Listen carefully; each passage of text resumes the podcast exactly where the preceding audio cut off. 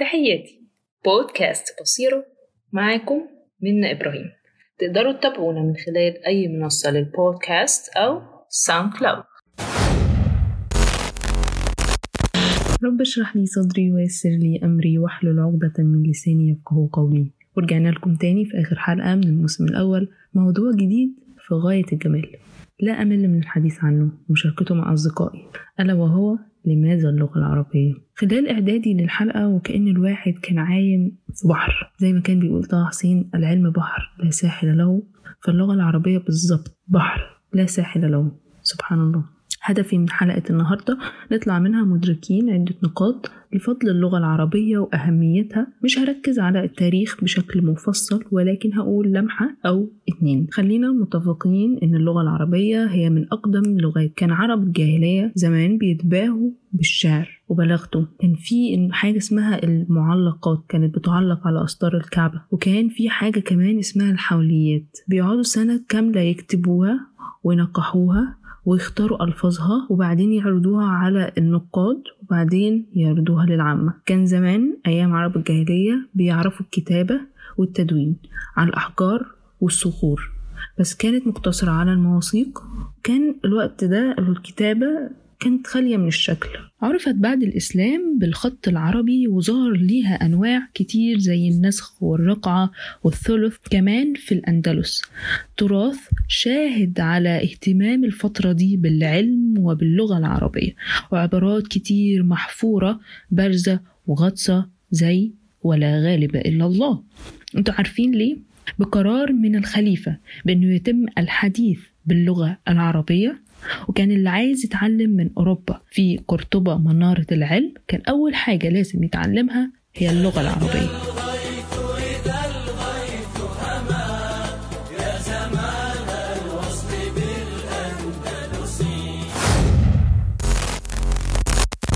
قال النساء هن الدواهي والدواهن لا طيب للعيش بلاهن والبلاهن. قالت والرجال هم المرهم. والمر هم لا طيب للعيش بلاهم والبلاهم. حقيقي الأبيات اللي فاتت ضحكتني جدا. حصلت إعجابي فيها الكثير الكثير من التراكيب. وده يدل على أن اللغة العربية غنية جدا ولغة مرنة. وفي غنى في اشتقاقها وفي غنى في التعبير. مثلا الأسد عنده أكتر من اسم في اللغة العربية زي الليث والسبع والقسورة. ولكن على الطرف الآخر في اللغة الإنجليزية اسمه لايم كمان كلمة طويل. طال يطول إطالة طائلة. إنما في اللغة الإنجليزية إحنا بنقول بس طول. برضو عندنا جيد. جادة يجيد. أجادة إنما إحنا في الإنجليزي بس بنقول good. حتى الحرف الواحد منه. له ذاتية له معنى وله إيحاء. حرف الخاء بيعبر دايما عن حاجة إحنا بننفر منها زي الخجل والخزي والخداع والخردة. تعالوا أحكي لكم عن أهم جزء بالنسبة لي وأجمل جزء في الحلقة وهو إن القرآن الكريم ذكر 11 آية بتنص على أن القرآن أنزل وأوحي بلسان عربي. اسمعوا كده. إنا أنزلناه قرآنا عربيا لعلكم تعقلون القرآن الكريم ليس موجها للعرب فقط. القرآن الكريم ساعد ساعد اللغة العربية في الانتشار والترسيخ وهو رفع من مستواها. يعني يعني أعرف ناس قابلت ناس برضو مثلا مختلفة معاه في اللغة ما تجمعهمش لغة ولكن القرآن الكريم قدر إنه يقدم لهم طريقة للتواصل مع بعض. اللغة وعاء للفكر. في مختلف المجالات والعلوم حتى الأحاسيس. في القرآن الكريم كلمة أنلزمكموها. عشان أقدر أعبر عن الكلمة دي في القرآن الكريم بالإنجليزي قصادها السبع كلمات. أنتوا متخيلين؟ في برنامج اسمه بالقرآن اهتديت أنصحكم بيه. بيطلع فيه الناس اللي أسلمت جديد بيتكلموا عن قصة إسلامهم. فمن ضمن النقاط اللي كانوا بيتناولوها آه، عدم قدرتهم على فهم آه، القرآن الكريم لأن هم غير ناطقين باللغة العربية. وكانوا بيقولوا إن إحنا الناطقين باللغة العربية في نعمة كبيرة وإن إحنا قادرين نفهم إمام المسجد ونفهم معاني القرآن بعمق وإن إحنا يعني عندنا كنز وإن إحنا لازم نستفيد منه مية في المية. كانت بالنسبة لهم اللغة بتشكل حاجز بينهم وبين فهم القرآن الكريم. ذكر وموعظة ونور. فيه شفاء للصدور وشفيعنا يوم النشور. آياته تروي المدى وصفاته نبع الهدى. نلقى الجنان بحبه.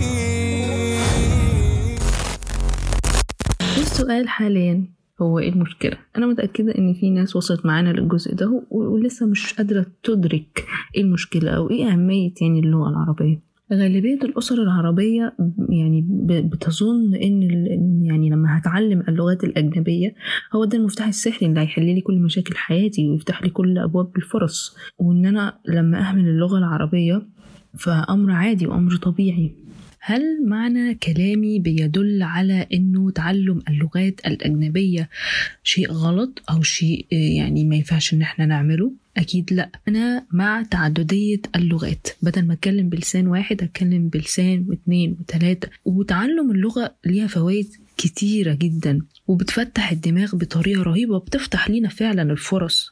ولكن إحنا عندنا مشكلة في فهم و- وإدراك لأهمية اللغة العربية. لدرجة إن إحنا بنهملها وبنهتم باللغات الأخرى وده مش الصح. تعلم اللغة الأم بطريقة صحيحة. لاحظوا أنا قلت اللغة الأم أنا ما قلتش اللغة العربية بس ده بصفة عامة. تعلم اللغة الأم بطريقة صحيحة يعني بيزود فرصة إن إحنا نتعلم اللغات التانية بصورة أفضل.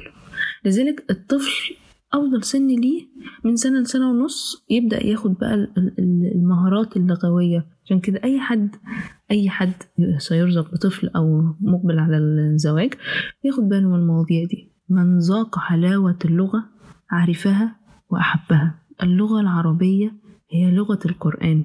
هي لغة أهل الجنة. ما يكفيناش النقطة دي بس إن إحنا نهتم بيها ونحافظ عليها ونحبها ونمارسها من أعزها فقد أعز كتاب الله. ومن أعز كتاب الله؟ أعزه الله. وصلنا لختام حلقتنا النهاردة. وختام الموسم الأول من بودكاست بصيرة. شكرا على حسن استماعكم. أتمنى يكون ال- ال- المعاني والقيم اللي أنا عرضتها خلال الحلقة وخلال الحلقات اللي فاتت عامة وصلت لكم. وإن أنتوا بتطبقوها أو على الأقل لسه في مرحلة التفكير فيها. بودكاست بصيرة مش بيركز على شخصيتي قد ما بيركز على المحتوى وعلى الفكرة. أتمنى يعني أحس إنه وصل حاجة من المجهود اللي أنا عملته وأنوه لحاجة بسيطة. سياسة البودكاست مختلفة عن سياسة اليوتيوب فأنا ما باخدش أي فلوس من البودكاست. هو كنوع من العلم النافع اللي أنا حابة أشارك بيه. أحب أشكر صديقتي مريم رخا آه، ساعدتني في إعداد حلقة النهاردة. آه، دايما العمل الجماعي هو قوة وخاصة لما بيكون آه، في بقى قيم ومبادئ واضحة شغالين عليها. من خلال بودكاست بصيرة بطلق إن شاء الله مبادرة اسمها بصيرة لدعم اللغة العربية. حابين تشاركونا بأي حاجة تخص العربية؟ فيديو شعر خط ممكن حاجة اتعلمتوها من حلقة النهاردة آية قرآنية.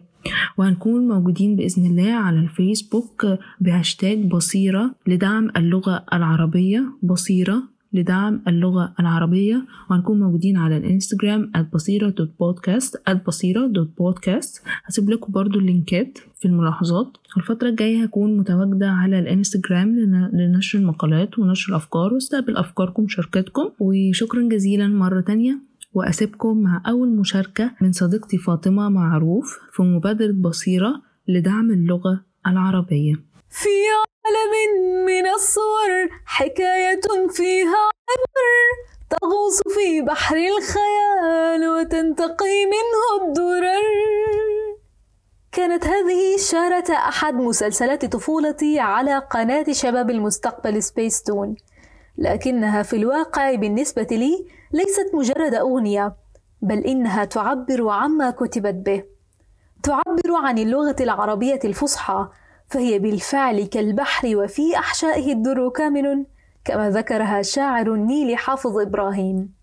ومهما مرت الأعوام وفاتت الأزمنة ستظل هي عريقة شامخة عظيمة محبوبة في قلوب أبنائها جميعا. ولتدم نعمة يا رب. ممتنة للغاية لبودكاست بصيرة لدعوتي للاحتفاء معكم بيوم اللغة العربية العالمي في مبادرتكم الرائعة. شكرا جزيلا وبالتوفيق.